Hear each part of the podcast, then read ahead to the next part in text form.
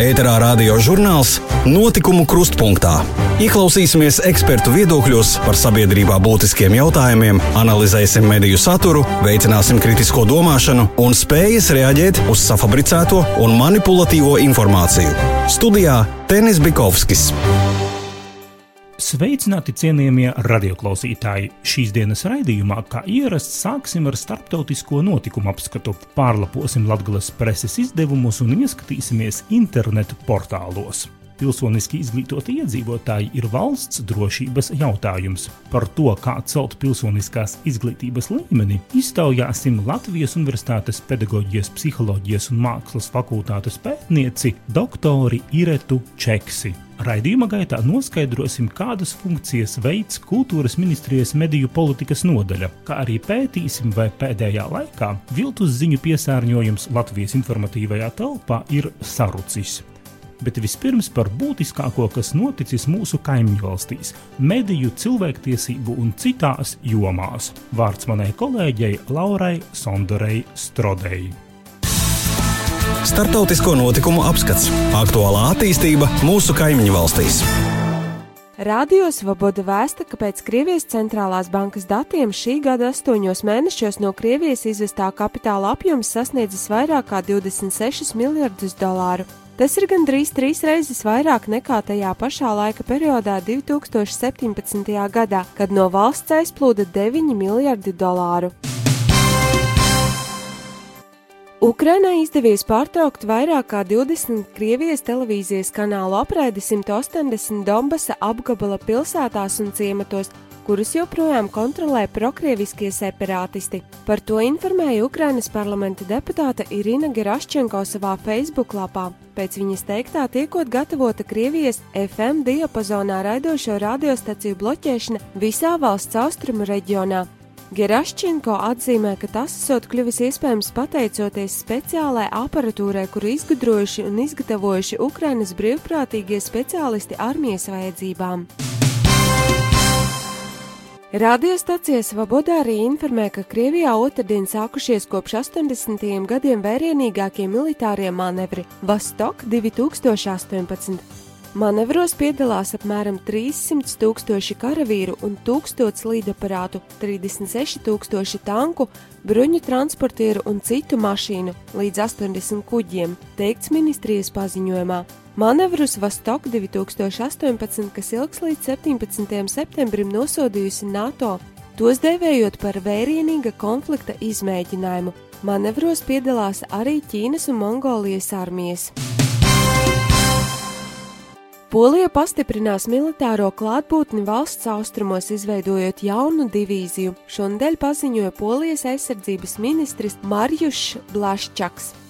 Ministrs atklāja, ka jaunie spēki bāzēsies Sedlicē. Tos veidos divas jau eksistējošas brigādes un viena jauna brigāde, kopumā līdz 15 tūkstošiem karavīru. Radiostacija Deutsche Welle un citi masu informācijas līdzekļi ziņo, ka protestos pret pensionēšanās vecuma paaugstināšanu Krievijā aizvadītajā nedēļas nogalē aizturēti vairāk nekā tūkstots cilvēki. Visvairāk aizturēto bija Sanktpēterburgā 450 cilvēki un Jekaterinburgā. Kopumā Krievijā akcijās pret pensiju reformu piedalījušies 60 līdz 80 tūkstoši cilvēku. Twitterī paziņoja opozīcijas līdera Aleksija Navaļņie līdzgaitnieks Leonīts Volkovs. Krievijā plānots pensionēšanās vecumu sievietēm pakāpeniski paaugstināt līdz 60 gadiem, bet vīriešiem līdz 65 gadiem. Pašlaik Krievijā sievietes var pensionēties 55 gadu vecumā, bet vīrieši 60 gadu vecumā. Eiropas Savienība un Baltkrievija līdz gada beigām varētu parakstīt vienošanos par partnerības prioritātēm. Baltkrievu telekanālam ONT pavēstīja Eiropas Savienības kaimiņu attiecību komisārs Johannes Hāns. Viņš arī norādīja, ka Briseles un Minskas vienošanās paredz investīcijas un Baltkrievijas ekonomisko attīstību. Lietuvas saimā pārstāvētās partijas vienojušās par valsts aizsardzības politiku nākamajiem desmit gadiem. Parakstītais dokuments paredz līdz 2030. gadam palielināt aizsardzības finansējumu līdz 2,5% no iekšzemes koprodukta. Vienlaikus noteikts, ka 2022. gadā jāpieņem lēmums attiecībā uz iespēju ievest vispārēju kara klausību. Vienīgi opozīcijā esošā sociāldemokrātu partija vienošanos nav parakstījusi, jo neatbalsta strauju aizsardzības izdevumu palielināšanu un iebilst pret vispārēju kara klausību.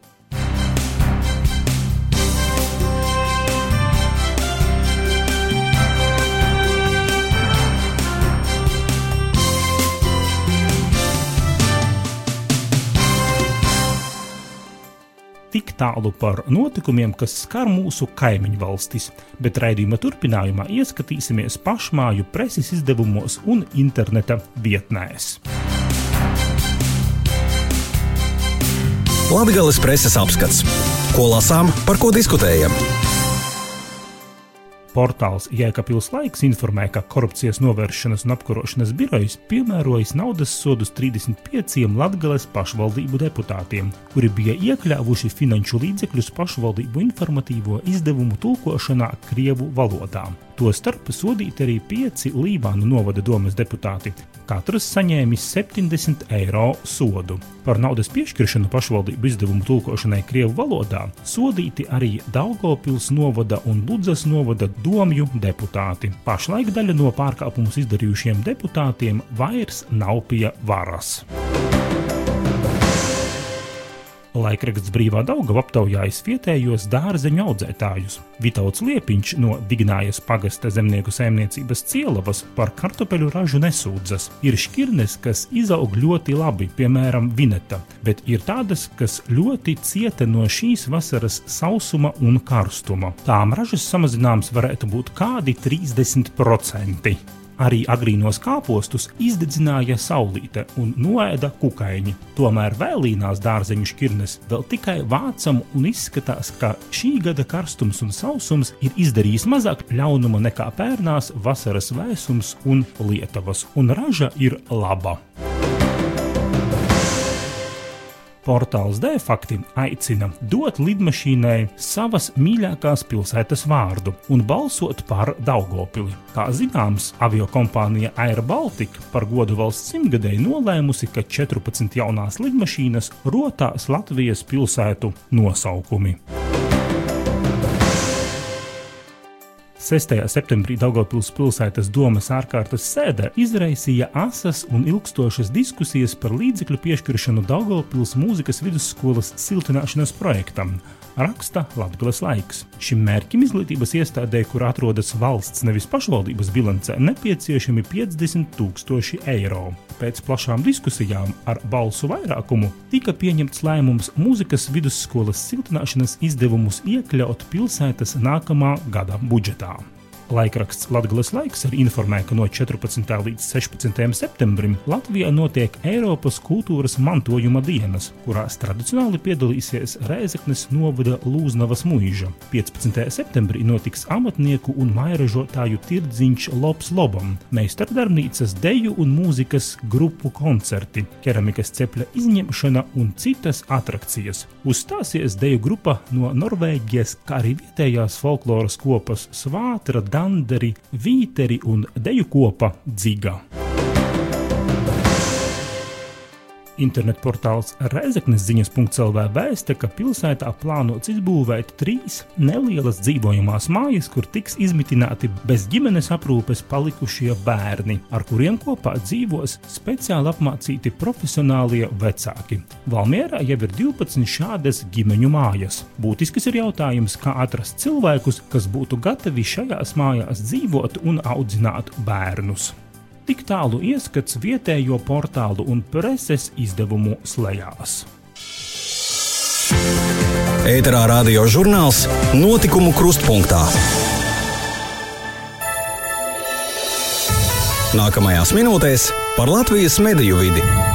Vai mēs dzīvojam divās informācijas telpās? Kā atzīt maldinošās fotogrāfijas un video? Kā darbojas ziņu aģentūras? Kas ir sabiedriskais pasūtījums? Kādas funkcijas veica mediju pārvaldes institūcijas un interešu pārstāvniecības? Šīs un citas interesantas tēmas tavai mediju prātībai.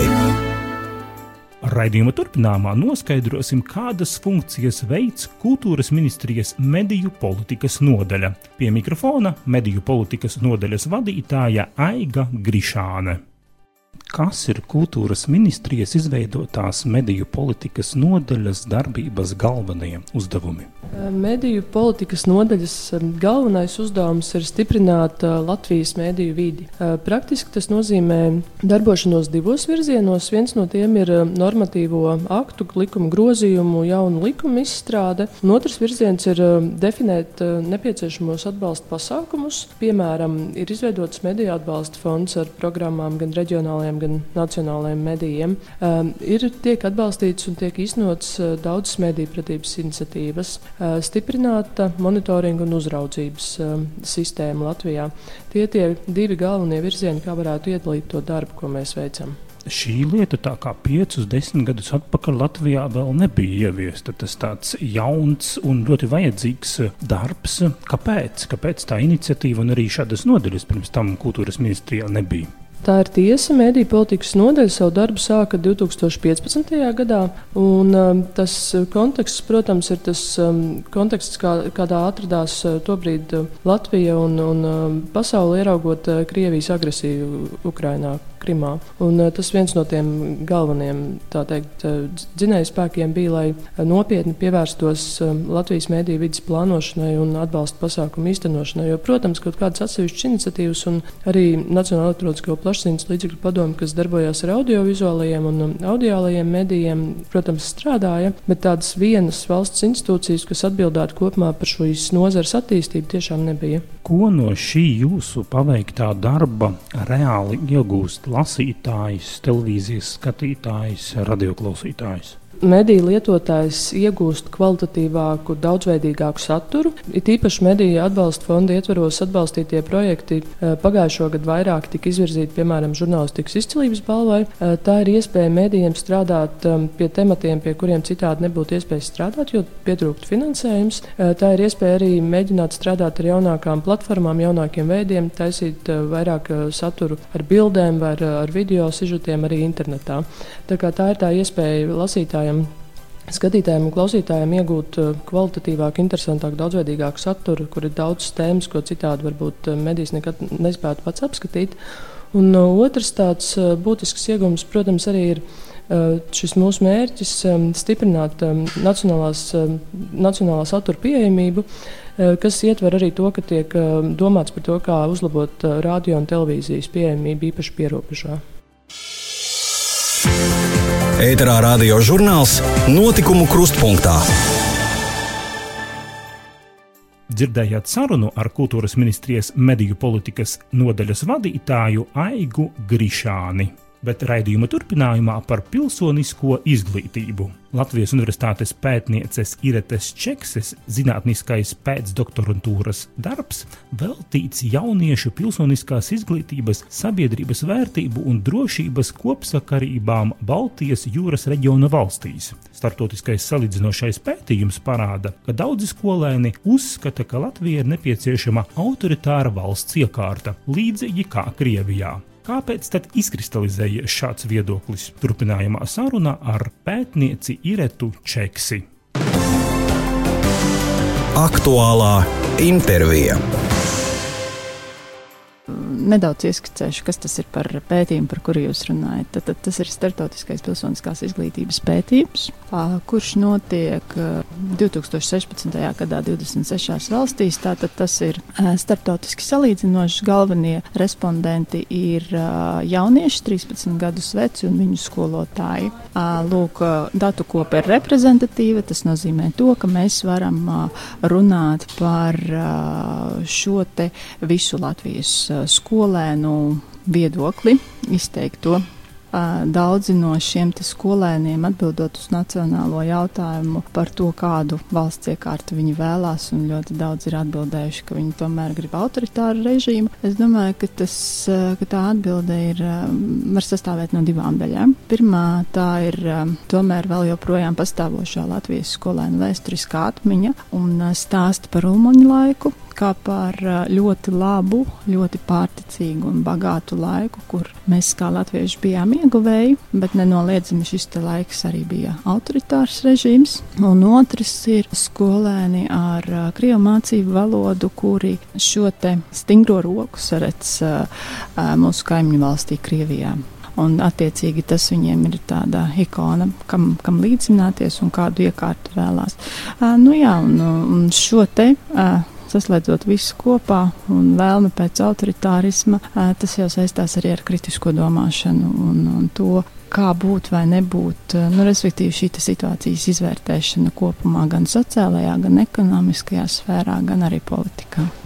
Bet vai tas var būt arī masu mediju iespēja? Nenoliedzami, ka tas varētu būt viens no ļoti būtiskiem faktoriem, jo masu mediju radītā informācijas telpa, kā jūs ziniet, ir ļoti, ļoti spēcīga. Un, ja mēs vēlreiz paskatāmies kaut vai uz šo pašu kritisko domāšanu un šo pašu pilsoniskās izglītības pētījumu, tad mūsu skolēniem šis te zināšanu līmenis salīdzinājumā ar Eiropas Savienības dalību valstīm, kas piedalījās pētījumā, ir viens no zemākajiem Baltijas jūras reģionā - zemākais. Un, ja mēs skatāmies korelācijā, jeb saistībā ar viņu attieksmi atbildēm par dažādiem procesiem, tostarp arī, arī mēdījiem, mēdīju izmantošanu, tad jāteic, jā, kritiskā domāšana mūsu skolēniem diemžēl ir zema, un mēs ne, mūsu skolēni neizvērtē situāciju kopumā objektīvi.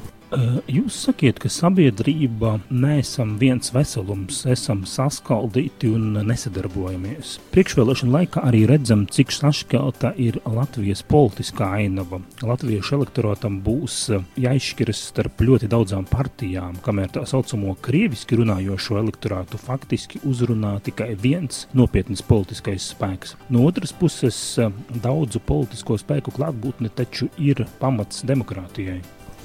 Nu jā, uz šo jautājumu es atbildēšu kā pētnieks, kā zinātnieks, vairāk nedaudz distancējoties no politikas un atkal atsaukšos uz šo starptautisko pilsoniskās izglītības pētījumu un to, kādas ir dažādas ekspektācijas par nākotnes redzējumu skolēniem un tieši dalot pēc mācību valodas. Un šeit ir ļoti manāma, manāma viedokļa atšķirība ideoloģijas jautājumos, piemēram, par to, kādas vērtības skolēni izvēlās, vai viņi vēlās brīvu un nepiespiestu gaisotni klases mācību telpā stundu laikā, vai viņiem tomēr ir nepieciešamas striktākas metodas, striktāki noteikumi. Un, ja mēs paskatāmies arī uz skolotājiem, tad skolotājiem daudz vairāk patīk mācību grāmatas un rakstīti likumi. Alternatīva ir dažādi alternatīvi mācību materiāli, kurus skolotāji izmanto mazāk, bet kas ir paradoxāli, tad tiem skolotājiem, kuri vairāk izmanto alternatīvas mācību metodes un materiālus, to skolotāju skolēniem ir augstāki rezultāti pilsoniskajā izglītībā. No tā mēs secinām un atgriežamies, ka jā, ah, atkal manis pieminētā kritiskā domāšana un nu, tāda apzināšanās par to, ka mūsu attieksme, mūsu rīcība ir viena no galvenajiem priekšnoteikumiem, lai valsts būtu drošībā. Jūs sakāt, ka pilsoniskā izglītība nebeidzas skolā un ģimenē. Ikviena skolēna pilsoniskās izglītības līmenis ir arī mediju, politiķu un sabiedrības, kā arī sociālo tīklu lietotāju atbildība. Vai varat paskaidrot klausītājiem izsmeļošāk? Tātad savās, savā pēcdoktorantūras pētījumā es, viena no manām pētāmajām tēzēm, hipotēzēm ir tāda, ka ne tikai skolas vide un ne tikai skolotājs ir tie, kas būtiski ietekmē šos te pilsoniskās izglītības sasniegumus. Ir vēl daudz citi faktori. Viens no tiem faktoriem ir vide. Un, ja mēs vidi paskatāmies plašāk, to vidi, kurā dzīvo skolēns, nenoliedzami tā ir skolas vide, tāpat tā ir arī ģimenes vide, arī tagad virtuālā vide, kur kura ir ļoti neierobežota un pārkāp visas šīs fiziskās robežas, un tāpat arī sabiedrība, kurā iela, kurā kurā uzturās skolēns.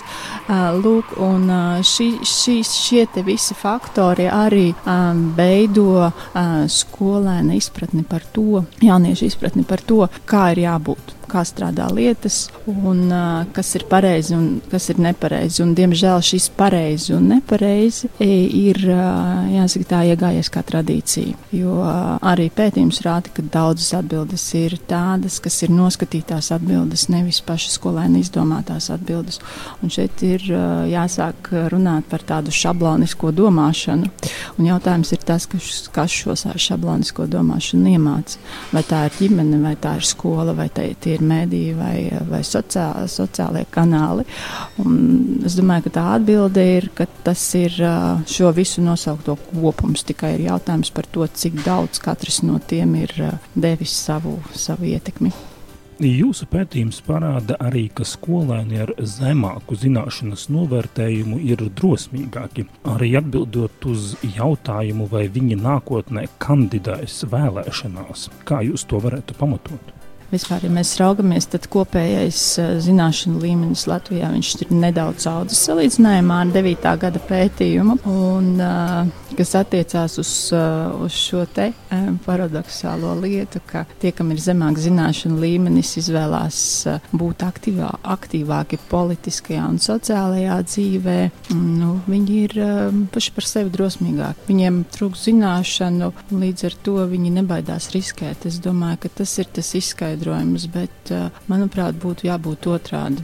Būtu jābūt uh, katram no mums pamatīgai zināšanu bāzei, konkrēti šajā jomā, pilsoniskajā izglītībā, politikā, vēlēšanu pratībā, mediju pratībā, lai mēs saprastu, kādi ir tie alternatīvie risinājumi, izvēloties kaut kādu pašu politiķu karjeru un kādas varētu būt sekas, ne tikai uh, manas kā iespējamā politiķa sekas, bet visas uh, sabiedrības, kādas varētu sekas atstāt mana darbība visā sabiedrībā. Ja es, teiksim, būšu politiķis, ekonomists vai kādas citas profesijas cilvēks. Respektīvi, tā domāšana laikā un telpā.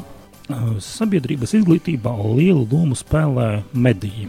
Kā jūs vērtētu Latvijas mediju kvalitāti un kādus trūkumus, trūkumus jūs varbūt saskatāt? Tas ir interesants jautājums, par kuru es ar, arī esmu daudz domājusi, arī tādā viedokļu līderu kontekstā, un kur ir tie mēdī, kas mums uh, Latvijā ir viedokļu līderi. Un uh, jāteic, ka uh, mēs paskatāmies vēsturiski, tad uh, kā ir veidojušies mēdī, tad 90. gadu sākumā tie bija pārsvarā mēdī, kas izklaidēja cilvēkus, nevis mēdī, kuri sniedza nu, tādu argumentētu analītisku informāciju. Jo žurnāli, televīzijas, radio raidījumi, avīzes, raksti, žurnālisti, kuri sniedz tādu analītiskāku informāciju, ir nu, tāds pēdējās 10, 15 gadas jautājums. Un pašreiz es redzu, ka šī analītiskā žurnālistika viņa kļūst aizvien,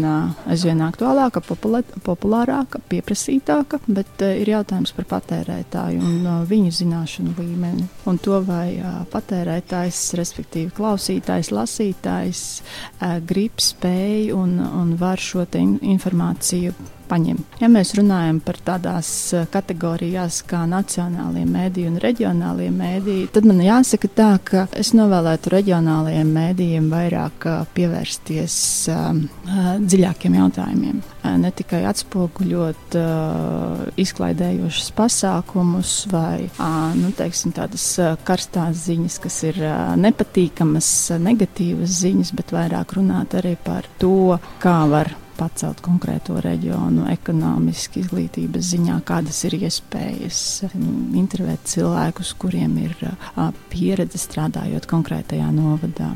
Tādā veidā ceļot arī pašu cilvēku pašapziņu un nu, tādu identitātes apziņu par to, ka tas ir labi tā, būt tajā vietā, kurā es esmu. Tā bija saruna ar Latvijas Universitātes pedagoģijas, psiholoģijas un mākslas fakultātes pētnieci doktori Iretu Čeksi. Ēterā radio žurnāls Notikumu krustpunktā. Pilsoniskā izglītība tātad nebeidzas skolā un ģimenē. Jauniešu pilsoniskās izglītības līmenis ir arī mediju, politiķu un sabiedrības, kā arī sociālo tīklu lietotāju atbildība. Tāpēc raidījuma turpinājumā par tā saucamajiem klikšķu portāliem. Viltus ziņu piesārņojums Latvijas informatīvajā telpā sarucis, turklāt izplatītie meli kļuvuši mazāk toksiski. Tā liecina LV portāls.lv galvenā redaktora Gunta Šķerbinska veiktā portālu satura analīze. Turpina Laura Sondere Strode. Melu dekonstrukcija. Atgādināsim, ka 21. augustā valsts policija Rīgā izturēja vairāku populāru viltu ziņu portālu uzturētāju Niku Enziņu, kurš joprojām atrodas apcietinājumā. Policijas ziņojumā minētas septiņas interneta vietnes - tvplay.lv, neticams.net, redzams.lv, redzams.net, kas jauns.net, par visu.net un atklāts.com kuras pamatā izplatīja vienus un tos pašus safabricētos vēstījumus. Kopš enziņa aizturēšanas minētās vietnes ir slēgtas. Pēc šīs vasaras likuma sargu aktivitātēm apmeklētājiem nav pieejami arī vēl vairāki citi dezinformācijas portāli. Dažas vietnes nav slēgtas pilnībā, tomēr ziņu plūsma tajos apsīkusi jūlija nogalē. Kā norāda Guntis Čerbinskis, apgalvot, ka Latvijas informatīvā telpa būtu dezinficēta pilnībā, gan nevar. Savu darbību aizvien aktīvi turpina vairāki tā saucamie klikšķu portāli, tomēr atšķirībā no apcietinātā enciņa, kurš sabiedrību centās šokēt, paziņojot par izdomātām katastrofām ar simtiem upuru, pašlaik informatīvā telpā cirkulē maigie meli un mazāk toksiski klikšķu medīšanas paņēmieni. Turpinājumā daži pēdējo nedēļu viltus ziņu piemēri, lai nepopularizētu šīs vietnes, neminēsim publikāciju avotu. Tā 30. augustā kādā viltus ziņu portālā dzimis vēstījums ar virsrakstu: Onkologi atklājuši pavisam jaunu sulu, kura iznīcina smagas slimības un pat vēzi.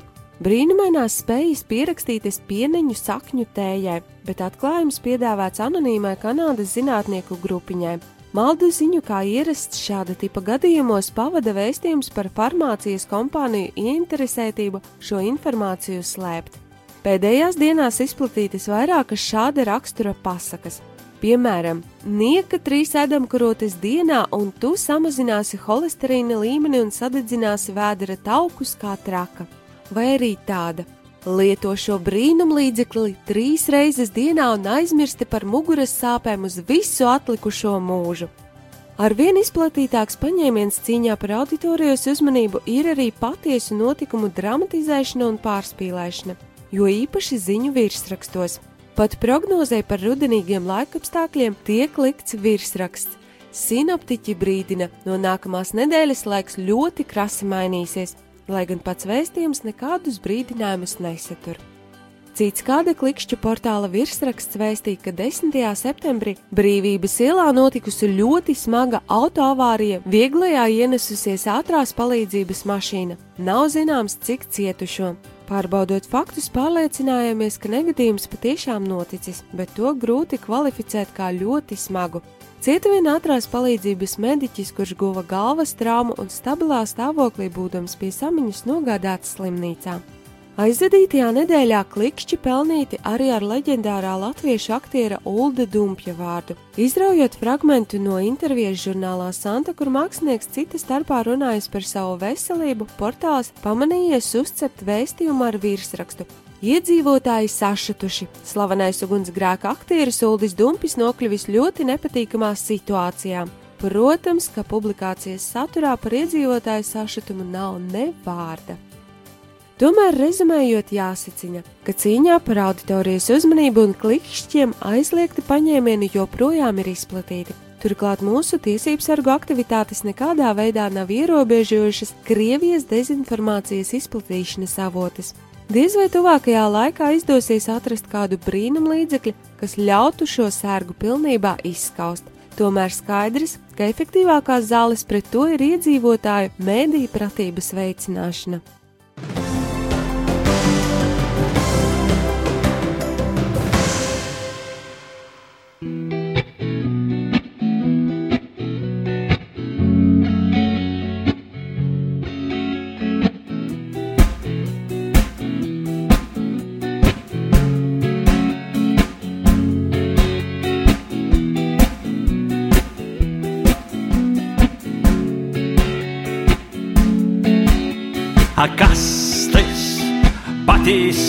Maigs vai maskas, izliktis izseis, lai var noslēgties tos jūtas, savas bādas, porcijas grūtos kastes, patīs smaids vai maskas, izliktis izseis lai var noslēpties tos jūtas, savas bādas, porcijas grūtos, nagrib, nadzied, acis taucīt, nagrib, nadzied, acis taucīt.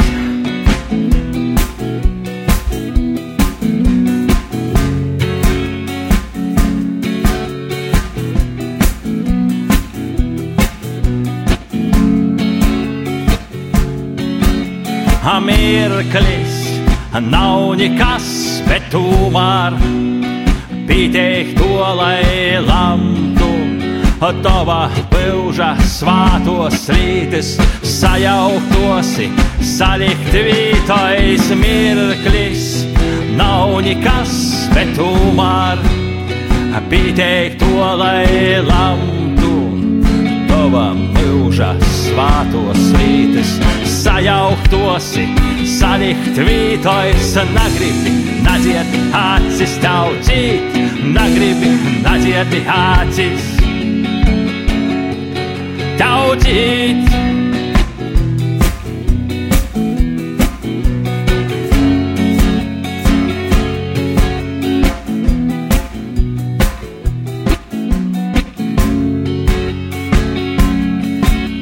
Dzīve ir keilata gobals, kuru kausēja saulē, porvieši ūdiņi, kas veldzēja, kura garšu pats tu veidoji dzīve.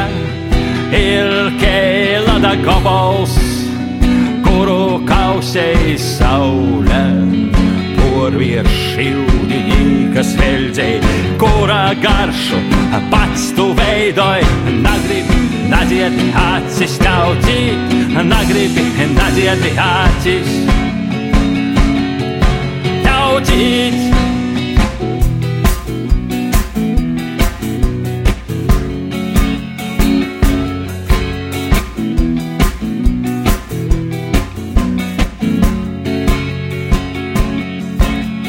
Beigas visam pienāktu var, nanu skumsti lūdzu, soksīs atkal prīka poli, apludinājis mūsu sirdīs beigas, visam pienāktu var, nanu skumsti lūdzu, soksīs atkal prīka poli, apludinājis mūsu sirdis, nagrib, nadzied, acis taucīt, nagrib, nadzied, acis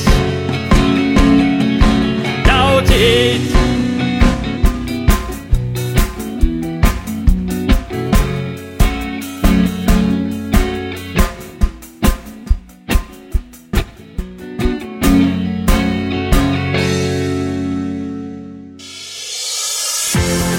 Ēterā radio žurnāls Notikumu krustpunktā.